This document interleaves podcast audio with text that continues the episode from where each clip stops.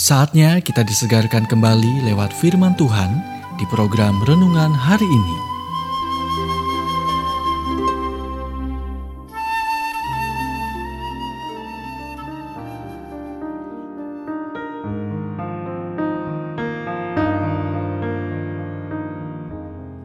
Renungan hari ini berjudul Doa Dapat Mengubah Hidup Anda. Nats firman Tuhan dari 1 Timotius 2 ayat 1. Naikkanlah permohonan, doa syafaat dan ucapan syukur untuk semua orang.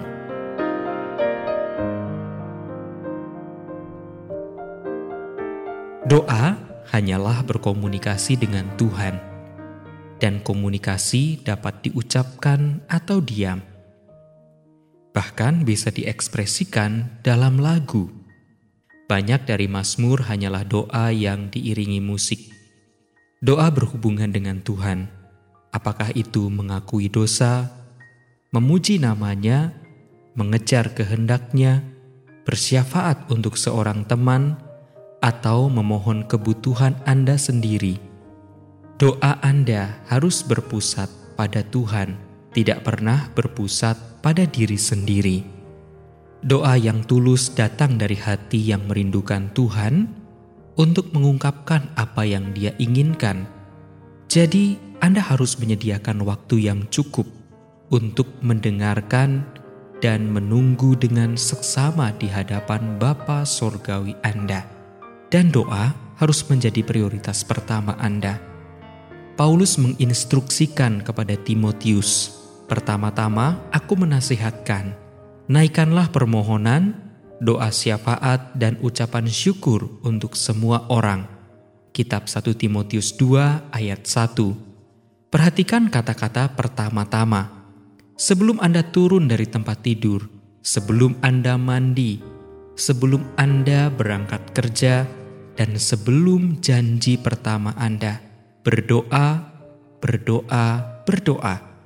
Setiap sore pada pukul 3, Petrus dan Yohanes pergi ke bait suci untuk berdoa. Di tengah hari, mereka menginterupsi jadwal mereka untuk berkumpul karena satu tujuan, yaitu doa. Jadi, ketika hari Anda bergulir dengan kecepatannya sendiri dan ke arahnya sendiri, hentikan dengan doa. Saat hari Anda menuju krisis, sengajalah berhenti untuk berdoa.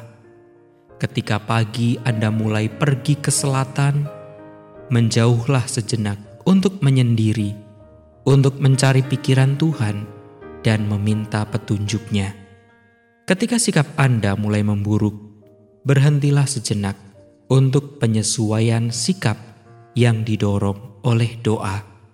Jangan menunggu, berdoalah segera Jadikan doa sebagai prioritas utama Anda dalam segala hal dan setiap saat. Jika Anda melakukannya, Anda akan menemukan bahwa doa mengubah hidup Anda menjadi lebih baik. Anda baru saja mendengarkan renungan hari ini. Kiranya renungan ini terus mengarahkan kita mendekat kepada Sang Juru Selamat serta menjadikan kita bertumbuh dan berakar kuat di dalam Kristus. Bila Anda diberkati, berikan kesaksian Anda melalui WhatsApp di 0817 222 959 atau jika Anda ingin memiliki buku renungan hari ini, Anda bisa dapatkan di Radio Suara Gerasi FM, Jalan Setiabudi 31 Cirebon. Dengar dan lakukan firman Tuhan maka hidupmu akan selalu berkemenangan.